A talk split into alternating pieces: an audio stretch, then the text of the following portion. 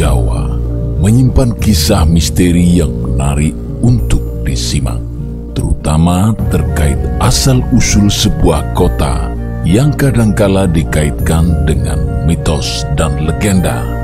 Cerita-cerita itu dituturkan turun-temurun dan menjadi kearifan setempat. Sebagai orang Jawa, banyak dari cerita mitos itu yang mengandung makna atau simbol-simbol tertentu yang tidak mudah diungkapkan dan mendapatkan penjelasannya. Karena itu, untuk menentukan sebuah hari jadi kota, dibutuhkan para ahli yang memang berkompeten di bidangnya untuk menelusuri lebih jauh kisah-kisah kearifan lokal yang bersumber dari tutur maupun sumber sejarah lain yang lebih ilmiah. Demikian juga halnya dengan kisah asal-usul kota Batang, Jawa Tengah. Kota yang sebagian besar wilayahnya merupakan perbukitan dan pegunungan ini masih menyimpan misteri tentang asal-usulnya. Terlebih saat dihubungkan dengan sosok karismatik yang dianggap memiliki ketikdayaan sekaligus mempengaruhi kesejarahan kota tersebut di kemudian hari. Video kali ini merupakan hasil remake dari video sebelumnya di channel YouTube Jagat Mandala yang kemudian kami pindahkan ke channel Jagat Mandala Pictures agar bisa dikelompokkan dalam kategori mitos dan legenda Pulau Jawa, kasanah kisah lokal yang tidak bisa dilenyapkan begitu saja sebagai salah satu warisan budaya.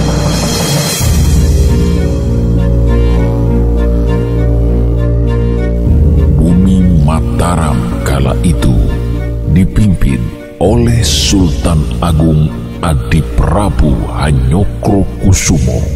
Sultan ketiga Mataram ini mengambil kebijakan untuk menyerang Batavia dengan kekuatan yang tidak main-main demi menjaga logistik perbekalan pasukan agar tidak kekurangan karena jarak yang ditempuh ribuan pasukannya cukup jauh dari Mataram, Sultan Agung memerintahkan para bawahannya untuk mempersiapkan daerah-daerah yang akan dilalui pasukannya terjamin kesejahteraannya.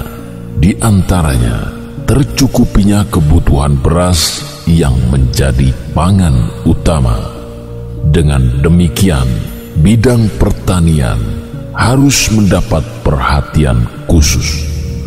Salah satu bawahan Sultan Agung yang terkemuka bernama Tumenggung Mbau Rekso, Bupati Kendal, yang kemudian diangkat sebagai Panglima Angkatan Bersenjata Mataram dan ditugaskan memimpin penggempuran Batavia atau Jakarta.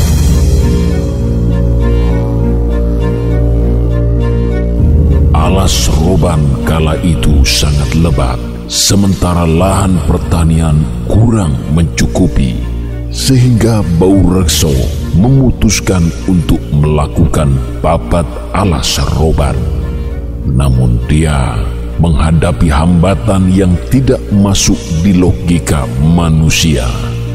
Banyak para prajurit dan penebang kayu yang mengalami kesurupan, sakit, bahkan tidak sedikit yang mati mendadak tanpa diketahui penyebabnya. Bau Rekso terpaksa melakukan investigasi lebih jauh tentang hal ini, termasuk menggunakan cara-cara supranatural. Pada akhirnya diketahui, para prajurit dan pekerjanya diganggu oleh para lelembut yang dipimpin oleh Dadung Awu. Dadung Awu tidak suka ketenangan di wilayahnya terganggu oleh aktivitas orang-orang Mataram. Semula, Mbaurekso meminta secara baik-baik agar Dadung Awu untuk tidak lagi mengganggu para pekerjanya. Namun Dadung Awu justru memerintahkan pasukan silumannya untuk menyerang Bau Rekso. Pertarungan gaib pun terjadi. Namun karena memiliki kesaktian yang mumpuni, Dadung Awuk dan pasukannya terkalahkan oleh Bau Rekso. Sejak saat itu, alas Roban bagian barat berhasil ditebang orang-orang Mataram tanpa hambatan. Pekerjaan berikutnya adalah membangun bendungan. Namun lagi-lagi usaha ini mengalami penghalang. Bendungan yang telah dibangun untuk mengalirkan sungai Lajahan atau yang sekarang dikenal sebagai Sungai Keramat selalu rusak dan jebol. Dalam pengintaian bau rekso diketahui bahwa para perusak bendungan itu bukan manusia, namun kaum siluman uling yang dipimpin oleh rajanya Kolo Tiprikso.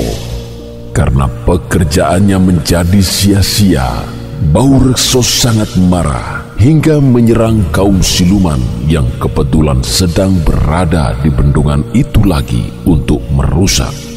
Bau rekso tidak mengenal ampun, mengamuk dan membunuh para siluman itu hingga mereka mati dan cairan siluman yang berwarna merah kehitaman membanjiri kedung. Karena perubahan warna air, kedung itu kemudian diberi nama Kedung Sikowo karena airnya semerah kowo.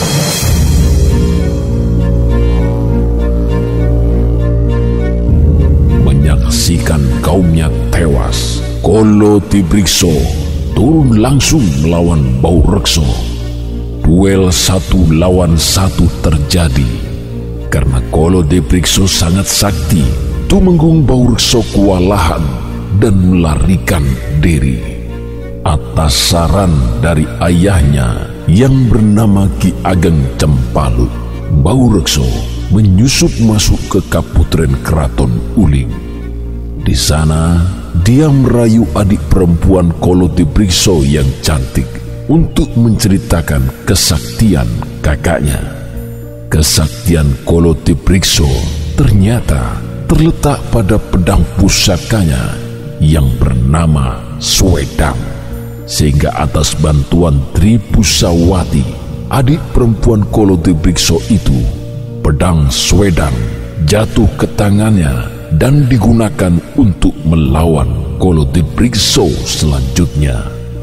Dengan pedang itu pula, kemenangan benar-benar berpihak pada Tumenggung Baurekso dan Kolodibrikso berhasil dikalahkan. Bendungan pun selanjutnya berhasil diperbaiki. Namun ternyata airnya tidak selalu lancar alirannya kadang-kadang besar, kadang-kadang kecil, bahkan tidak mengalir sama sekali. Setelah diteliti ternyata ada kayu atau watang besar yang melintang menghalangi aliran air. Berpuluh-puluh orang disuruh mengangkat atau memindahkan watang tersebut tetapi sama sekali tidak berhasil. Akhirnya, Bau Reso kembali turun tangan sendiri. Setelah mengheningkan cipta, memusatkan kekuatan dan kesaktiannya, batu batang kayu besar atau watang itu dapat diangkat dengan mudah dan dipindahkan lalu dipatahkan. Usaha pemindahan kayu ini kemudian dikenal sebagai ngembat watang. Penggabungan dua kata ini menjadikan penyebutannya menjadi Batang.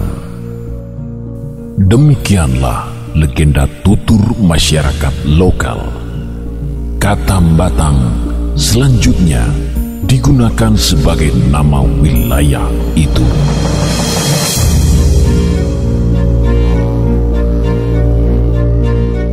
Dari cerita tutur ini diketahui penamaan kota Batang sesungguhnya telah digunakan sejak era Mataram Namun para sejarawan memiliki pendapat yang berbeda sejak kapan kota Batang terbentuk.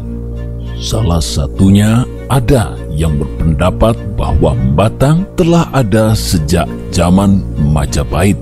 Pendapat ini diungkapkan oleh sejarawan Kusnin Asa yang termuat di majalah Karya Dharma Praja Mukti. Kusnin Asa menyebutkan bahwa kata Batang berasal dari kata bataan. Bata berarti batu, sedangkan an berarti satu atau pertama. Dengan demikian, batang berarti batu pertama. Sementara itu, Suhadi BS BA menyebutkan bahwa berdasarkan Sabta Parwa karya Profesor Muhammad Yamin, kata Batang telah dikenal sejak orang-orang Tionghoa banyak berguru agama Buddha di Sriwijaya. Suhadi menambahkan bahwa Batang yang dikenal dengan nama Batan dahulu merupakan kota pelabuhan sejaman dengan Pemaleng atau Pemalang dan Dema atau Demak. Namun yang pasti, dengan menyimak cerita tutur masyarakat lokal terkait kisah Mbau Rekso yang telah diceritakan sebelumnya, nama Batang telah digunakan sejak era Mataram diperintah oleh Sultan Agung. Ini artinya Batang telah eksis sebagai sebuah kota setidaknya di abad 17. Sejarah selengkapnya kota Batang bisa Anda simak di website pemerintah Kota Batang karena telah disusun dengan baik oleh pemerintah setempat. Linknya bisa Anda dapatkan dalam kolom deskripsi video di bawah ini. Terima kasih sudah menonton. Tetap tradisikan untuk menekan tombol like dan absen di kolom komentar. Sukses terus dalam cinta dan kehidupan Anda sekalian.